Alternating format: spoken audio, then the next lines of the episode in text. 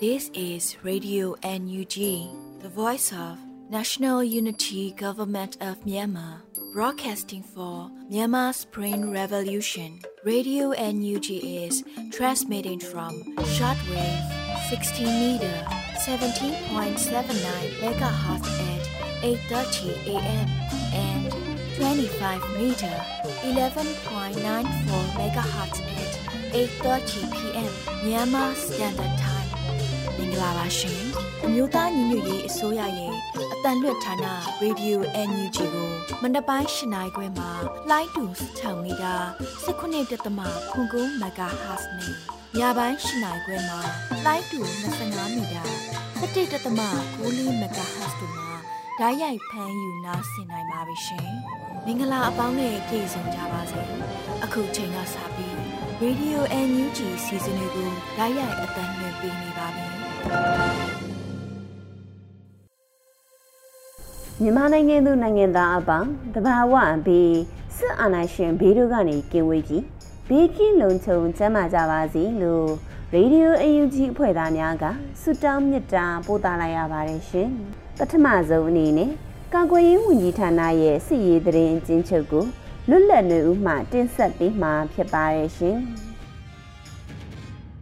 အမျိုးသားညွရေးဆိုရကာကွယ်ရေးဝန်ကြီးဌာနမှထုတ်ပြန်တဲ့နေ့စဉ်စစ်ရေးသတင်းအကျဉ်းချုပ်တွေကိုတင်ပြပါတော့မယ်။တိုက်ပွဲများမှာရန်သူတပ်သား3ဦးသေဆုံးပြီး3ဦးထိခိုက်ဒဏ်ရာရရှိခဲ့ကြောင်းသိရပါတယ်။အာနာသိန်းအကြမ်းဖက်စစ်တပ်နဲ့တိုက်ပွဲဖြစ်ပွားမှုသတင်းများမှာချင်းပြည်နယ်မှာဇူလိုင်လ23ရက်နေ့နနက်6နာရီခန့်ကချင်းပြည်နယ်မင်းတပ်မြို့နယ်မြို့ဝင်ဂိတ်ရှိရန်သူစစ်ကောင်စီတပ်သားများကိုချင်း Defense Force မင်းတပ်ကတနင်္လာရီကျော်ကြာဝင်ရောက်ပစ်ခတ်တိုက်ခိုက်ခဲ့ကြပါတယ်။ ဇူလိုင်လ14ရက်နေ့နနက်10:48မိနစ်မှာလဲမင်းတပ်မြို့ရှိရန်သူစစ်စေးရေးဂိတ်တစ်ခုကိုထပ်မံပစ်ကတ်တိုက်ခိုက်ခဲ့ရမှာရန်သူဘက်မှ2ဦးသေဆုံးပြီးအများပြားထိခိုက်ဒဏ်ရာရရှိခဲ့တယ်လို့သိရပါတယ်။တနင်္သာရီတိုင်းဘက်မှာတော့ဇူလိုင်လ17ရက်နေ့နေ့လယ်12:20မိနစ်ခန့်ကတနင်္သာရီတိုင်းပုတ်ပြင်းမြို့နယ်ချောင်းကဖတ်ကျေးရွာနီးမှာချီလီယန်စစ်ကြောင်းထိုးလာတဲ့ရန်သူစစ်ကောင်စီတပ်သားများနဲ့တော်လိုင်းအင်အားစုပူးပေါင်းတပ်ဖွဲ့များထိတွေ့တိုက်ပွဲဖြစ်ပွားခဲ့တယ်လို့သိရပါတယ်။ ပဲခူးတိုင်းမှာဇူလိုင်လ23ရက်နေ့ည8:30မိနစ်ခန့်ကပဲခူးတိုင်းလက်ပဒန်းမြို့နယ်ရဲတပ်ဖွဲ့မှုယုံရှိတွင်ရွှေရမ်းမြေပြည်သူ့ကာကွယ်ရေးတပ်ဖွဲ့လက်ပဒန်းကဘုံသုံးလုံးဖောက်ခွဲခဲ့ရာတလုံးပေါက်ကွဲခဲ့ပြီးလူထိခိုက်မှုမရှိဘဲဗယ်ရီဂိတ်အတားစီးများသာပျက်စီးသွားခဲ့တယ်လို့ဆိုပါတယ်။မပေါက်ကွဲခဲ့တဲ့ဘုံနှလုံးသည်မြို့နယ်လျှက်စစ်ရုံးရှိ၌ထောင်ထားခြင်းဖြစ်ပြီးပြည်သူများအန္တရာယ်ဖြစ်မှာကိုစိုးရိမ်တာကြောင့်ပြည်သူ့ကာကွယ်ရေးတပ်ဖွဲ့ကပြန်လည်ဖြုတ်သိမ်းခဲ့တယ်လို့သိရပါတယ်ခင်ဗျာ။ ဆက်လက်ပြီးမန္တလေးတိုင်းမှာဇူလိုင်လ23ရက်နေ့ညနေ9:30မိနစ်ခန့်ကမန္တလေးတိုင်းဝန်းတွင်းမြို့နယ်ဝန်းတွင်းမြို့လဲတွင်ရန်သူစစ်ကောင်စီတည်င်းရဲတပ်ဖွဲ့မှရဲအုပ်သိန်းစော်မှုကို WTRF ဝန်းတွင်း1000 Revolution Force ကပြစ်ခတ်ရှင်းလင်းနိုင်ခဲ့ကြောင်းသိရပါတယ်ခင်ဗျာဆက်လက်ပြီးအာနာသိန်းအကြမ်းဖက်စစ်တပ်ကကျူးလွန်သော ရာဇဝမှုများကို တင်ပြပါဦးမယ်တနင်္သာရီတိုင်းမှာဇူလိုင်လ9ရက်နေ့နေ့လယ်3:30မိနစ်ခန့်က တနင်္သာရီတိုင်းဗုတ်ပြင်းမြို့နယ်ချောင်းကဖတ်ရွာမှဦးရဲနိုင်၏ငှက်ခေါ်အိမ်ကြီးတစ်ဆောင်နဲ့ရိုးရိုးအိမ်နှစ်ဆောင်အပြင်ဆိုင်ကယ်လေးစီးကိုရန်သူစစ်ကောင်စီတပ်ဖွဲ့ဝင်များကမိရှို့ဖျက်ဆီးခဲ့ကြပါတယ်။မန္တလေးတိုင်းမှာဇူလိုင်လ23ရက်နေ့ည10:50မိနစ်ခန့်ကမန္တလေးတိုင်းမန္တလေးမြို့6263လမ်း UFL အနောက်လမ်းရှိပြည်သူနေအိမ်တအိမ်ကိုရန်သူစစ်ကောင်စီတပ်ဖွဲ့ဝင်များက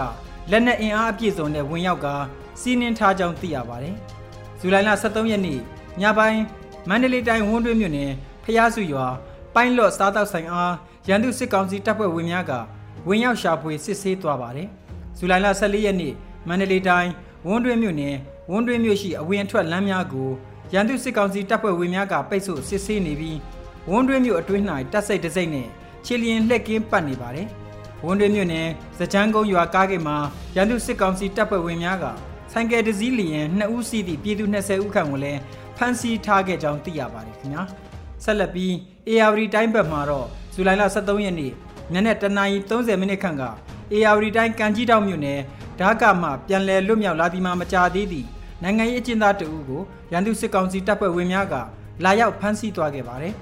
လက်ရှိမှာကံကြီးတောင်ရဲစခန်း၌ဖမ်းဆီးထားပြီးတည်င်းပေးများ၏မဟုတ်မမှန်တည်င်းပေးမှုကြောင့်ဖမ်းဆီးခြင်းဖြစ်ကြောင်းကနေဦးသိရှိရပါတယ်။ ဇူလိုင်လ23ရက်နေ့ကရရှိတဲ့သတင်းအရ AR တိုင်းကြုံပြော်မြို့တွင်ရန်သူစစ်ကောင်စီတပ်လက်အောက်ခံမြို့နယ်စိုက်ဘဏ်မန်နေဂျာကစိုက်ပျိုးစရိတ်ချီးငွေအတွက်ကျွေးကြံတောင်သူများကိုဇူလိုင်လ23ရက်နေ့နနက်9:00နာရီနောက်ဆုံးထား၍လာရောက်ဆက်ရမယ်လို့စာထုတ်ထားကြောင်းသိရပါတယ်။ရခင်ရက်များကအကျွေးမဆက်နိုင်သူများကိုလဲသိန်းကဖမ်းဆီးထောင်ချမယ်လို့၎င်းမန်နေဂျာကချင်းချောက်ပြောဆိုနေကြောင်းလည်းသိရပါတယ်။ဇူလိုင်လ23ရက်နေ့ကရရှိတဲ့သတင်းအရအေယာဝတီတိုင်းအင်ကပူမြို့နယ် ကွင်းကောက်မြို့ကွင်းကောက်ရဲစခန်းသည်နေခန့်အစ္စလမ်ဘာသာဝင်လူမျိုးများကိုအကြောင်းမဲ့အပြစ်ရှာဖမ်းဆီးမှုများပြုလုပ်နေကြောင်းသိရပါတယ်ခင်ဗျာတောတာရှင်များခင်ဗျာယခုတင်ပြခဲ့တဲ့သတင်းတွေကိုမြေပြင်သတင်းတာဝန်ခံတွေနဲ့ခိုင်လုံသောမိဖက်သတင်းရင်းမြစ်များမှအခြေခံပြုစုထားတာဖြစ်ပါတယ်ခင်ဗျာ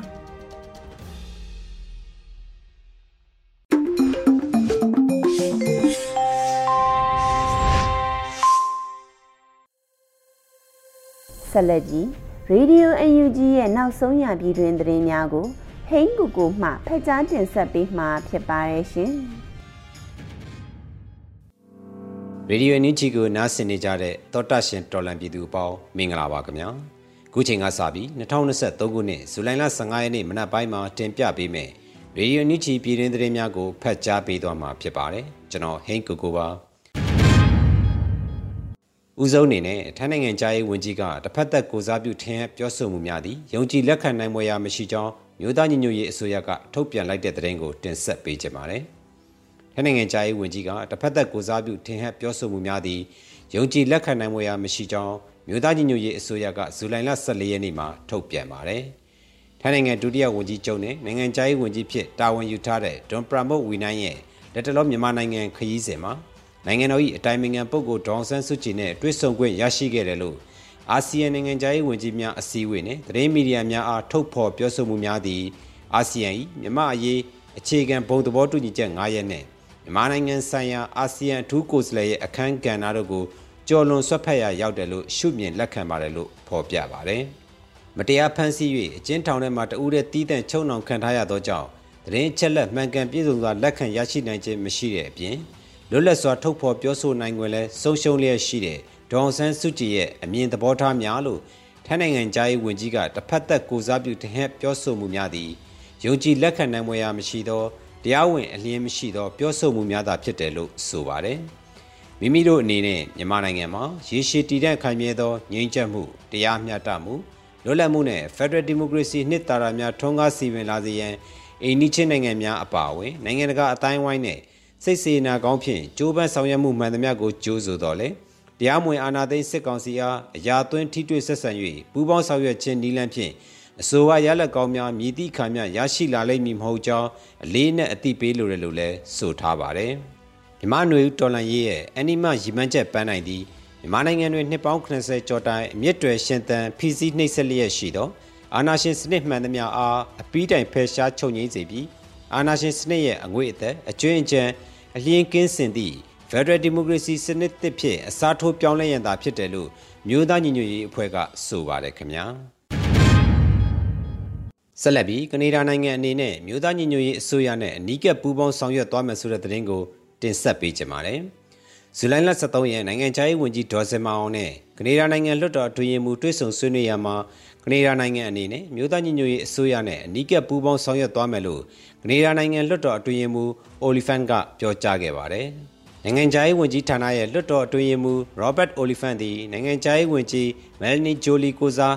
တွဲဆုံဆွေးနွေးခဲ့ခြင်းဖြစ်ပြီးထို့သောတွဲဆုံရာတွင်ပြည်ထောင်စုဝန်ကြီးဒေါ်စင်မအောင်ကနှစ်နိုင်ငံပူးပေါင်းဆောင်ရွက်ရေးဆိုင်ရာကိစ္စရပ်များ လက်ရှိမြန်မာရေးကိစ္စရပ်များကိုပြောဆိုဆွေးနွေးခဲ့ပါတယ်။ဒါအပြင်စေအုပ်စုရဲ့အကြမ်းဖက်လုပ်ရများနဲ့၎င်းတို့အားအရေးယူပိတ်ဆို့နိုင်မဲ့နည်းလမ်းများမြန်မာပြည်သူများပေါ်ကူညီထောက်ပံ့ပေးနိုင်မဲ့နည်းလမ်းများကိုလည်းဆွေးနွေးခဲ့ကြပြီးကနေဒါနိုင်ငံအနေနဲ့လည်းမြို့သားညီညွတ်ရေးအစိုးရနဲ့အနီးကပ်ပူးပေါင်းဆောင်ရွက်သွားမည်ဖြစ်ကြောင်းကိုလည်း Robert Oliphant ကထပ်လောင်းအတည်ပြုပြောကြားသွားခဲ့ပါတယ်ခင်ဗျာထပ်မံတင်ပြပေးခြင်းတဲ့သတင်းတစ်ပုဒ်ကတော့အ ခြေမြင့်မရှိခိုင်မာမှုမရှိတဲ့သတင်းများနောက်ကိုမလိုက်ကြဖို့ပြည်ထောင်စုဝန်ကြီးဦးထင်လင်းအောင်အသိပေးဆိုလိုက်တဲ့သတင်းပဲဖြစ်ပါတယ်အခြေမြင့်မရှိခိုင်မာမှုမရှိတဲ့သတင်းများနောက်ကိုမလိုက်ကြဖို့ဆက်သွယ်ရေးသတင်းအချက်အလက်နဲ့ဤပညာဝန်ကြီးဌာနပြည်ထောင်စုဝန်ကြီးဦးထင်လင်းအောင်ကဇူလိုင်လ14ရက်နေ့မှာအသိပေးဆိုလိုက်ပါတယ်။ချစ်စရာရှိတာဆက်ချစ်မုန်းစရာရှိတာဆက်မုန်းဝုန်းစရာရှိတာဆက်ဝုန်းယုံပေါ့။သွေးမကွဲနဲ့ဘေးမဆွဲနဲ့ဖြောင်းဖြောင်းရှောက်အခြေမြင့်မရှိ ခိုင်မာမှုမရှိတဲ့သတင်းနောက်ကိုမလိုက်ကြနဲ့တိဆောက်ထားတဲ့ယုံကြည်မှုတွေအတိုင်းဆက်လျှောက်ကြမယ်လို့ဝန်ကြီးကဆိုပါတယ်။အကြံဖက်စစ်အုပ်စုဟာတော်လှန်ရေးနဲ့ပြည်သူလူထုသွေးခွဲစေရန်ပြည်သူ့ကာကွယ်ရေးတပ်ဖွဲ့ဝင်အပါအဝင်တော်လှန်ရေးအင်အားစုနဲ့မြို့သားညီညွတ်ရေးအစိုးရတို့ကိုပုံဖြတ်ပြောဆိုမှုများသတင်းတုသတင်းရောင်ထုတ်လွှင့်မှုများဇက်တိုက်လှုပ်ဆောင်လျက်ရှိပါတယ်ခင်ဗျာအခုဆက်လက်ပြီးထိုင်းနိုင်ငံဒုတိယဝန်ကြီးချုပ်နဲ့နိုင်ငံခြားရေးဝန်ကြီးရဲ့ပြောကြားချက်မှာ ဒေါ်ဆန်းစုကြည်ရဲ့သဘောထားများနဲ့ဆန့်ကျင်ကွဲလွဲနေတယ်လို့မြို့သားဒီမိုကရေစီအဖွဲ့ချုပ်ဗဟိုအလုံးမှုဆောင်ကော်မတီကထုတ်ပြန်လိုက်တဲ့သတင်းကိုတင်ဆက်ပေးကြပါမယ်။ထိုင်းနိုင်ငံဒုတိယဝန်ကြီးချုပ်နဲ့နိုင်ငံခြားရေးဝန်ကြီးရဲ့ပြောကြားချက်မှာဒေါ်ဆန်းစုကြည်ရဲ့သဘောထားများနဲ့စန့်ကျင်ကွဲလွဲနေတယ်လို့မြို့သားဒီမိုကရေစီအဖွဲ့ချုပ်ဗဟိုအလုံးမှုဆောင်ကော်မတီကဇူလိုင်လ14ရက်မှာသဘောထားကြေညာချက်တရက်ထုတ်ပြန်ခဲ့ပါတယ်။2023ခုနှစ်ဇူလိုင်17ရက်နေ့ကအင်ဒိုနီးရှားနိုင်ငံဂျကာတာမြို့မှာကျင်းပတဲ့ အာဆီယံနိုင်ငံခြားရေးဝန်ကြီးများအစည်းအဝေးမှာထိုင်းနိုင်ငံဒုတိယဝန်ကြီးချုပ်နဲ့နိုင်ငံခြားရေးဝန်ကြီးမစ္စတာဒွန်ပရာမို့ဝီနိုင်ကဥပဒေမဲ့မတရားဖမ်းဆီးခံရသောမြို့သားဒီမိုကရေစီအဖွဲ့ချုပ်ဥက္ကဋ္ဌနဲ့နိုင်ငံတော်ရဲ့အတိုင်ပင်ခံပုဂ္ဂိုလ်ဒေါန်ဆန်းစုကြည်အားဇူလိုင်လ9ရက်နေ့မှာအာနာလူစစ်ကောင်စီရဲ့သဘောတူညီချက်ရယူကတွားရောက်တွေ့ဆုံခဲ့သည်ဟု၎င်းကိုယ်တိုင်ထုတ်ဖော်ပြောကြားချက်အရသိရတယ်လို့ဖော်ပြပါတယ်။ဒေါန်ဆန်းစုကြည်ရဲ့သဘောထားဆိုသောထိုင်းနိုင်ငံဒုတိယဝန်ကြီးချုပ်နဲ့ နိုင်ငံခြားရေးဝန်ကြီးရဲ့ပြောကြားချက်များသည်ကာယကံရှင်ကိုယ်တိုင်နှင့်လွတ်လပ်စွာပူးတွဲပြောကြားနိုင်သောအခြေအနေမဟုတ်သည့်အတွက်စကားရတိုင်းသည်စစ်မှန်သည်ဟုယူဆရန်ကျွန်ုပ်တို့တန်တရားရှိတယ်လို့ NLD ပါတီဘောလုံးမှုဆောင်ကော်မတီကဆိုပါတယ်။မတရားဖန်ဆီးခံရစဉ်ကာလတွင်ဒေါန်ဆန်းစုကြည်ရဲ့သဘောထားမြင်များဖြစ်သောကာကြီးဘောလုံးမှုဆောင်အဖွဲ့များလွတ်လပ်စွာစုံညီအစည်းအဝေးမကျင်းပနိုင်မယ်။သူမအနေဖြင့်မြည်သည့်သဘောထားများဆုံးဖြတ်ချက်များချမှတ်မည်မဟုတ်ကြောင်းခါကွေပြည်သူလူထုကိုသာအခြေခံပြီး ပြည်သူလူထုရဲ့ဆန္ဒသဘောထားကိုမြည်သည့်အခါမှစန့်ကျင်မည်မဟုတ်ပါဟုသောအချက်များနဲ့ကွဲလွဲနေတယ်လို့ဖော်ပြပါတယ်။သို့ပါ၍မြန်မာနိုင်ငံ၏ပြဿနာများပြည်လည်ရေးလမ်းစားဖြင့်ရေးပါလာသောဒေါ်ဆန်းစုကြည်၏ဆန္ဒသဘောထားကိုပြည်သူလူထုထံသို့လွတ်လပ်စွာတင်ပြနိုင်ရန်အာဆီယံခေါင်းဆောင်များအနေဖြင့်အာဆီယံဘုံသဘောတူညီချက်9ရက်နှင့်အညီဒေါ်ဆန်းစုကြည်အပါအဝင်မတရားဖန်ဆီးခံရသောနိုင်ငံရေးအကျဉ်းသားများအားလုံးအမြန်ဆုံးလွတ်မြောက်၍လွတ်လပ်စွာသဘောထားအမြင်ဖော်ထုတ်နိုင်မှုကို အားစိုက်လှုပ်ဆောင်သင့်ပါကြောင်းတိုက်တွန်းအပ်တယ်လို့ဆိုထားပါတယ်ခင်ဗျာဆက်လက်ပြီးအကြံဖတ်စေအုပ်စုကြောင့်မန်လေးတိုင်းမှာ384ဦးသေဆုံးခဲ့ပြီး148ဦးမှာပြစ်ခတ်ခံရမှုကြောင့်သေဆုံးခဲ့ခြင်းဖြစ်တယ်ဆိုတဲ့သတင်းကိုတင်ဆက်ပေးကြပါမယ်။နိုင်ငံရေးအကျဉ်းသားများကူညီဆောင်ရှောက်ရေးအသင်းမှကောက်ယူထားသောသတင်းအချက်အလက်များအရာအကြံဖတ်စေအုပ်စုကြောင့်မန်လေးတိုင်းမှာ384ဦးသေဆုံးခဲ့ပြီး148ဦးမှာပြစ်ခတ်ခံရမှုကြောင့်သေဆုံးခဲ့ခြင်းဖြစ်တယ်လို့ AAPP ကဇူလိုင်လ14ရက်နေ့မှာဖော်ပြအသိပေးပါတယ်။2021ခုနှစ်ဖေဖော်ဝါရီလမှ2023ခုနှစ်ဇူလိုင်လ14ရက်နေ့ထိအကြံဖက်စစ်အုပ်စုကြောင့်မန္တလေးတိုင်းမှာ384ဦးသေဆုံးခဲ့ပါတယ်။ထို384ဦးအနက်ပြစ်ခတ်ခံရမှုကြောင့်148ဦးသေဆုံးခဲ့ပြီးဖမ်းဆီးထိသိမ်းခံရပြီးနောက်တပ်ဖြတ်ခံရသူအရေအတွက်မှာ134ဦးရှိပြီဖြစ်တယ်လို့ဖော်ပြပါတယ်။ဒါ့အပြင်မန္တလေးတိုင်းမှာ4512ဦးဖမ်းဆီးခံခဲ့ရပြီး 4210ဦးမှာလက်ရှိချိန်ထိဖမ်းဆီးထိန်းသိမ်းခံနေရဆဲဖြစ်ကာထိန်းသိမ်းခံနေရဆဲလူပုဂ္ဂိုလ်များအနက်မတရားပုံမှန်များဖြင့်ထောင်ဒဏ်ချမှတ်ခံရသူ2654ဦးပါဝင်ပါတယ်ခင်ဗျာမင်းကင်းမြို့နယ်တောင်ရင်းကျောင်းဒေသဝင်လာတဲ့စစ်ကောင်စီတပ်များအ ਨੇ ဆုံးရက်သား3ဦးတပ်ဖြတ်ထားဆိုတဲ့သတင်းကိုဆက်လက်တင်ဆက်ပေးကြပါမယ်။မင်းကင်းမြို့နယ်တောင်ရင်းကျောင်းဒေသဝင်လာတဲ့စစ်ကောင်စီတပ်များအ ਨੇ ဆုံးရက်သား3ဦးတပ်ဖြတ်ထားတယ်လို့ ဇူလိုင်14ရက်မှာတိတ်ပြန်ပျောက်ကြားတပ်ဖွဲ့ကအသိပေးဆိုပါတယ်။ကလေးဝဘတ်မှာတောင်တွင်းကျောင်းဒေသသို့စစ်အင်အား100ကျော်ခန့်ဖြင့်ဝင်ရောက်လာခဲ့သည်မှာနှစ်ပတ်ကျော်ပြီဖြစ်ပါတယ်။ထို့သောဝင်ရောက်လာရလမ်းမှာအချို့ရွာများမှာအိမ်များကိုမိရှို့ဖျက်ဆီးခြင်းပြည်သူများကိုဖမ်းဆီးတပ်ဖြတ်ခြင်းများပြုလုပ်လျက်ရှိပြီးစုစုပေါင်းအနည်းဆုံး3ဦးတပ်ဖြတ်ထားပြီးဖြစ်တယ်လို့ဆိုပါတယ်။ကုန်းကြောင်းတွာလာဖို့စစ်ကောင်စီအကြမ်းဖက်များအတွက်အစင်မပြေတဲ့အတွက်မင်းကင်းနယ်တောင်တွင်းကျောင်းဒေသသို့တပတ်အတွင်း ကြာပင်မှာပင်တစ်ချိန်ကြော်ရွာမှာ၃ချိန်စုစုပေါင်း၄ချိန်မြောက်ထောက်ပို့ရဲရင်များဆင့်တက်သွားခဲ့တယ်လို့ဆိုပါတယ်ခင်ဗျာအခုဆက်လက်ပြီးကမ်လူခရိုင်ထန်းကုန်းတိုက်နယ်တွင်းရှိညောင်ပင်ရွာမရွာအကျန်းဖက်စစ်တပ်မှမီးရှို့ဖျက်ဆီးခဲ့တဲ့တဲ့ရင်ကိုဖတ်ကြားပေးပါမယ်ဇူလိုင်14ရက်နေ့မနက်10:00နာရီအချိန်မှာငါတို့ရွာမှထွက်ခွာလာတဲ့စစ်ကောင်စီတပ်နဲ့ပြူပူပေါင်းအင်အား30ဝန်းကျင်ရှိတဲ့အဖွဲ့ဟာကမ်လူခရိုင်ထန်းကုန်းတိုက်နယ်ညောင်ပင်ရွာမရွာ ပြစ်ခတ်ဝင်ရောက်ခဲ့ပြီးအပြစ်မဲ့ပြည်သူပိုင်နေများကိုမိရှို့ခဲ့တယ်လို့ကျွန်းလှကမ်ဘလူးတက်ကြွလှုပ်ရှားသူများအဖွဲ့ကမ်ဘလူးခရိုင်ကဇူလိုင်လ14ရက်မှာအတိပေးဆိုပါတယ်။ညောင်မင်းရွာမရွာ2022ခုနှစ်အောက်တိုဘာလ24ရက်နေ့မှာစစ်ကောင်စီအကြမ်းဖက်စစ်တပ်မှပထမအကြိမ်မီးရှို့ခဲ့ရာအပြစ်မဲ့ပြည်သူပိုင်းနေစစ်တလုံးပျက်စီးဆုံးရှုံးခဲ့ရပါတယ်။စစ်ကောင်စီတပ်စစ်ကြောင်းထိုးမှုကြောင့်တပြေတာဖိုကုန်းကျောင်းကုန်းမင်းပါလက်ထုပ်ကုန်းရင်ခတ်ကုန်းကိုးမြို့ ညောင်ပင်ရွာမှစတဲ့ကြေးရွာပေါင်း၈ရွာထွက်ပြေးတိမ်းရှောင်နေကြရတယ်လို့ဒေသခံများထံကသိရပါတယ်ခင်ဗျာ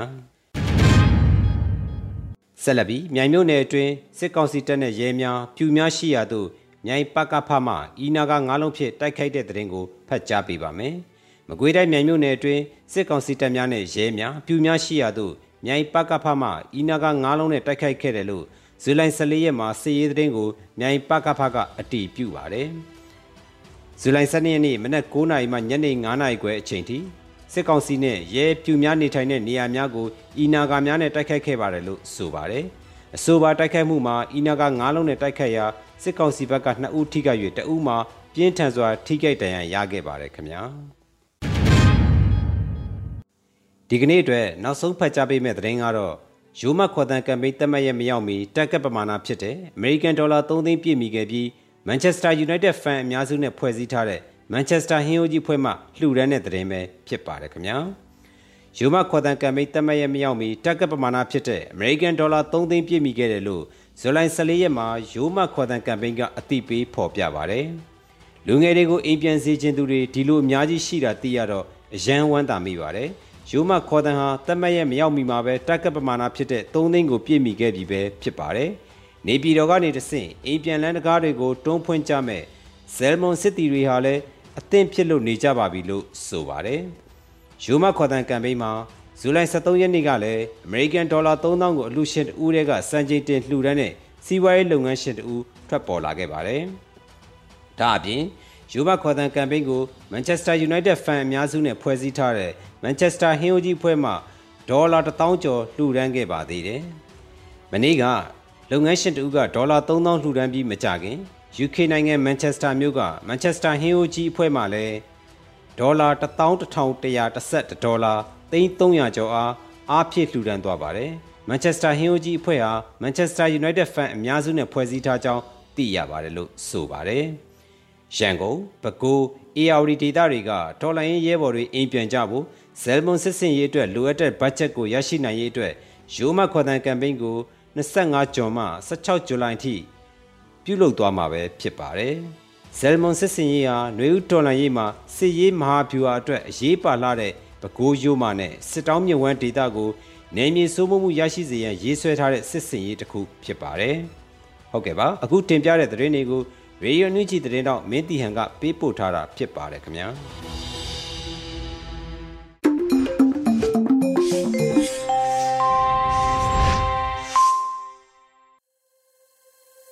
ရေဒီယိုအယူဂျီသောတာရှင်များရှင်အခုဆက်လက်ပြီးလူခခရေးသားပြီးຫນွေဦးမိုးဖတ်ကြားတင်ဆက်ပေးထားတဲ့ငါတို့အိမ်မက်ဟာငါတို့စွန့်စားခန်းတွေဆိုတဲ့တော်လှန်ရေးကြပြကိုခန်းစားနားဆင်ကြရမှာဖြစ်ပါတယ်ရှင်ငါတို့အိမ်မက်ဟာငါတို့စွန့်စားခန်းတွေမိုးစလင်းတော့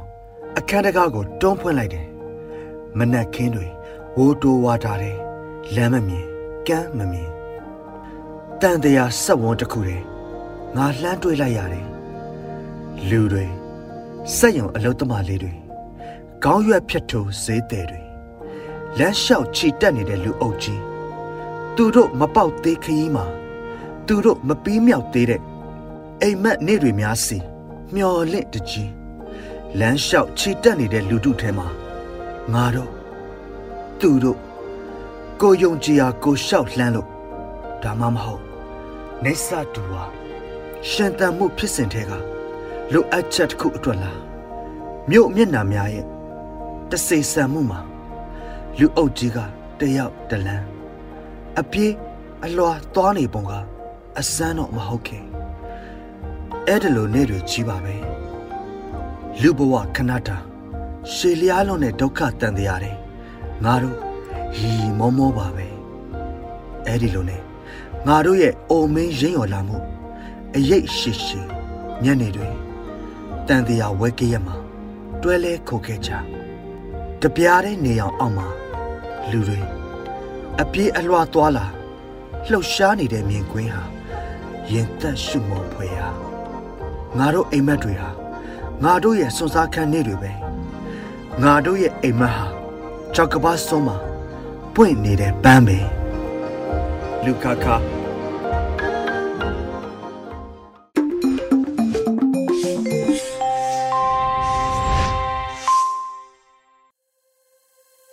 ရေဒီယိုအယူကြီးမှဆက်လက်တမ်းလွှင့်နေပါတယ်ရှင်ယခုတပံ PVTV ရဲ့နေ့စဉ်သတင်းများကို ရိမ့်မှတင်ဆက်ပေးမှာဖြစ်ပါတယ်ရှင်အခုချိန်ကစပြီး PVTV သတင်းတွေကိုတင်ဆက်ပေးတော့မှာပါ ကျမရိမ့်ပါပထမဆုံးအနေနဲ့တင်ဆက်ပေးခြင်းတဲ့သတင်းကတော့ပြည်ထောင်နဲ့လူဝမှုကြီးကြပ်ရေးဝန်ကြီးဌာနနဲ့ခရိုင်ပြည်သူ့အုပ်ချုပ်ရေးအဖွဲ့များတွဲဆုံဆွေးနွေးတဲ့သတင်းမှာအမျိုးသားညွရေးအစိုးရပြည်ထောင်နဲ့လူဝမှုကြီးကြပ်ရေးဝန်ကြီးဌာနနဲ့ခရိုင်ပြည်သူ့အုပ်ချုပ်ရေးအဖွဲ့များတွဲဆုံဆွေးနွေးမှုကိုဇူလိုင်23ရက်မွန်းလွဲ3နာရီမှာပြုလုပ်ခဲ့ကြပါတယ်။ အစည်းအဝေးမှာပြည်ထောင်နဲ့လူဝမှုကြီးကြပ်ရေးဝန်ကြီးဌာနတွဲဘက်အမြဲတမ်းအတွင်ဝင်ကလုပ်ငန်းဆောင်ရွက်ချက်များနဲ့ပတ်သက်ပြီးလိုအပ်တာများကို ရှင်းလင်းပြောကြားခဲ့ပါတယ်။အဲဒီနောက်တက်ရောက်လာတဲ့ခရိုင်ပြည်သူ့အုပ်ချုပ်ရေးအဖွဲ့များကမြေပြင်မှာကြုံတွေ့နေရတဲ့ကိစ္စရပ်များလိုအပ်ချက်များအခက်အခဲများကိုမေးမြန်းဆွေးနွေးကြကဝန်ကြီးဌာနရဲ့တာဝန်ရှိသူများမှပြန်လည်ဖြေကြားဆောင်ရွက်ခဲ့ပါတယ်။အဆိုပါအစည်းအဝေးသို့တွဲဘက်အမြဲတမ်းအတွင်းဝင်များ ပြည်သူ့အုပ်ချုပ်ရေးဦးစီးဌာနညွှန်ကြားရေးမှူးချုပ်နဲ့ရုံးအဖွဲ့ဝင်များခရိုင်ပြည်သူ့အုပ်ချုပ်ရေးအဖွဲ့များမှတက်ရောက်ခဲ့ကြတယ်လို့ပြည်ထောင်နဲ့လူမှုကြီးကြပ်ရေးဝန်ကြီးဌာနကသတင်းထုတ်ပြန်ထားပါတယ်။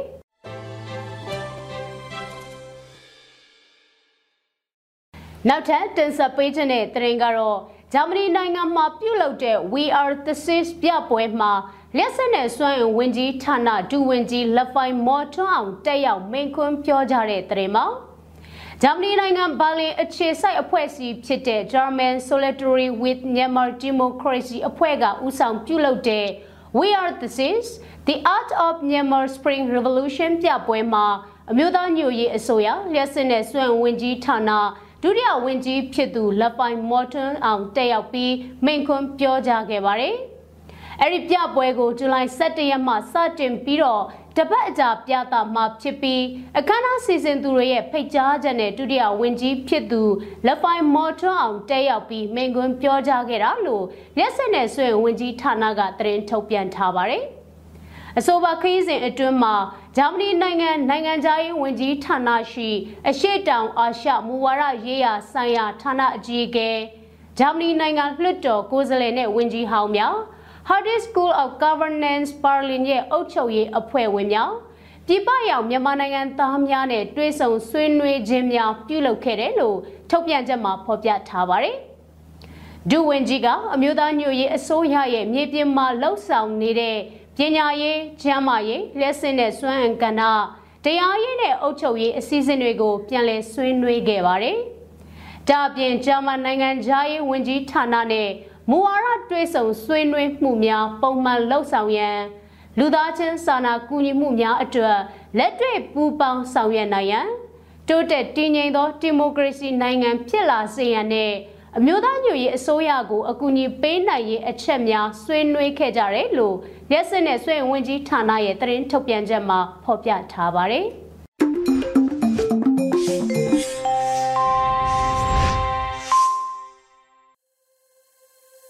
ယခုတပံတိုင်းသားဘာသာစကားအစီအစဉ်အနေနဲ့ချိုချင်းဘာသာစကားခွဲတစ်ခုဖြစ်တဲ့ဒိုင်ဘာသာစကားဖြင့်သတင်းထုတ်လွှင့်မှုအစီအစဉ်ကိုတင်ဆက်ပေးမှာဖြစ်ပါတယ်။ဒီအစီအစဉ်ကို ရေဒီယိုအယူကြီးနဲ့ချိုးချင်းဘာသာစကားထုတ်လွှင့်မှုအဖွဲ့တို့ကပူးပေါင်းထုတ်လွှင့်တာဖြစ်ပါတယ်ရှင်။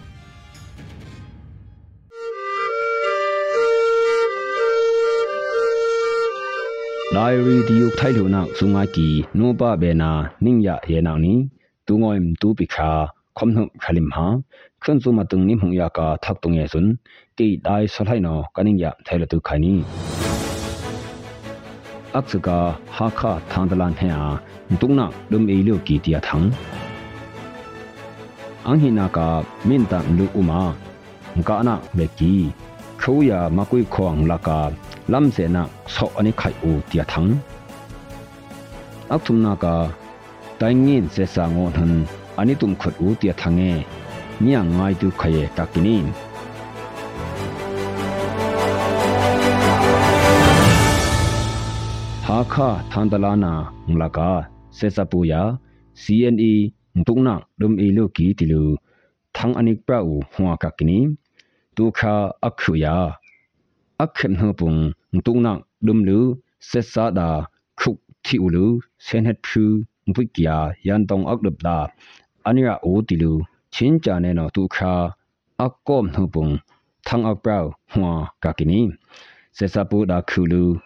ntukna dum lu se sa da khuk thi u lu sen het phu mpui kya yan tong ak lup da ania o tilu chin cha ne no tu kha akom hu pung thang ak pra hwa ka kini se sa pu da khu lu khanya ke mdon lu ania ka lo u kona ha kham lu ngo se sa no pi sen het dumung ya kap kie anitia ka ki ha khang ka no thandalan da tung na bi lo ki se sa pu ya cn yang lak tung na hin bu khang tu ni ulu tu wi sup hi lum e lu kya ka kini se sa pu da noi na ulu nhu da nong bie kie ti lu chin cha ne no ai bu hwa ka kini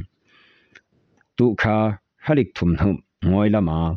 min tam lu uma CDF min ta ya set sapu tungna ve ki tilu ashi pim lu khot ve lu ma man no pet kini awang ve ya mka na ka thai nya ka ka ki nhu na yi haliyat ve ngap ike tilu lu ma no apena ka ki ahinung sung ikya tham kha na kho amme CDF min ta no bi ahinung sung ikya thang akpa bi ku hwa ka kini bukhang tu ni ulu CTF min ta ya ang don pie no ntukna bilolu kia ka kini ai tung pi ntukna belo khok kia ka lu khu kho ya makui khong la ka lam se so nak so ani khai u ti lu thang ani prau pi hwa ka kini tangin se sa ngon hun tu ulu CTF CTM sin da phu thi ulu se sa pu da thi ku dum da ki ko na ku kap sak yan ania pi dum da ki ti lu CTF CTMC no thang aprau hwa ka kini ti tim lu he tangin se sa ngon han chun khung tu po pu no ani tu u ti lu CTF CTMC no pet kini du bi kha haliam ngoi lam na yim hang CTF CTMC in PDF Solen B5 ME CNDF TCDF KKG B7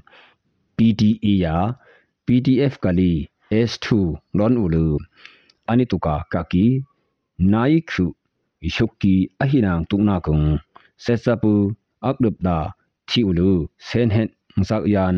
ania utilu thang anprau hwa kakini tuk adum nak tangin nak uma se sapo no khanung ya kap lo lu tuk po puwe phong tum lu ngreng be khakye ti lu CTF CTM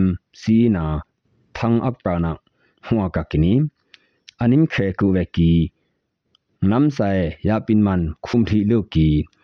tangin se sa ngon han hin ak dip de ya ko tak ti bai ti lu CTF CTM CA no msim zoina kasa akprafi hwa ka kini sunga ki no ba be na ningya ye na ni lobe tu ki khun zum tu tia ning khum be tu kom u ဒီကနေ့က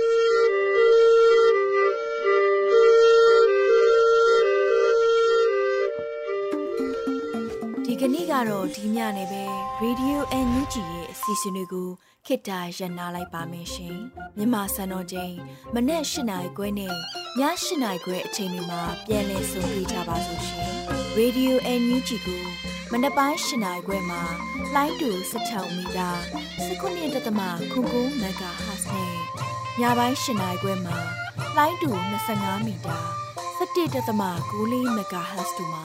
ဓာတ်ရိုက်ဖမ်းယူနာဆင်နိုင